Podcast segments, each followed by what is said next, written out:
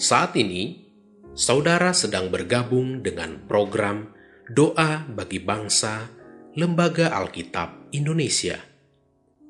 Doakan, wartakan, donasikan melalui li nk.tr.ee slash alkitab. Bapak, Ibu, dan anak-anak terkasih dalam Tuhan. Sebelum kita berdoa, dengarkanlah satu ayat firman Tuhan yang terambil dari Yeremia 33 ayat 3. Berserulah kepadaku, maka aku akan menjawab engkau dan akan memberitahukan kepadamu hal-hal yang besar yang tidak kau ketahui. Mari berdoa.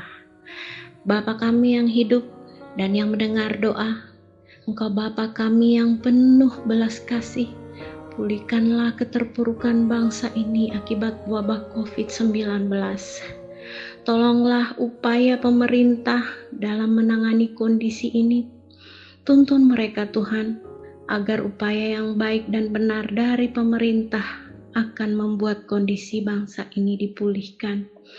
Kami berdoa bagi semua keluarga Kristen dikuatkan dalam menghadapi pandemi ini secara ekonomi dan memiliki sumber penghasilan bagi pemenuhan kebutuhan keluarga dan pendidikan anak-anak.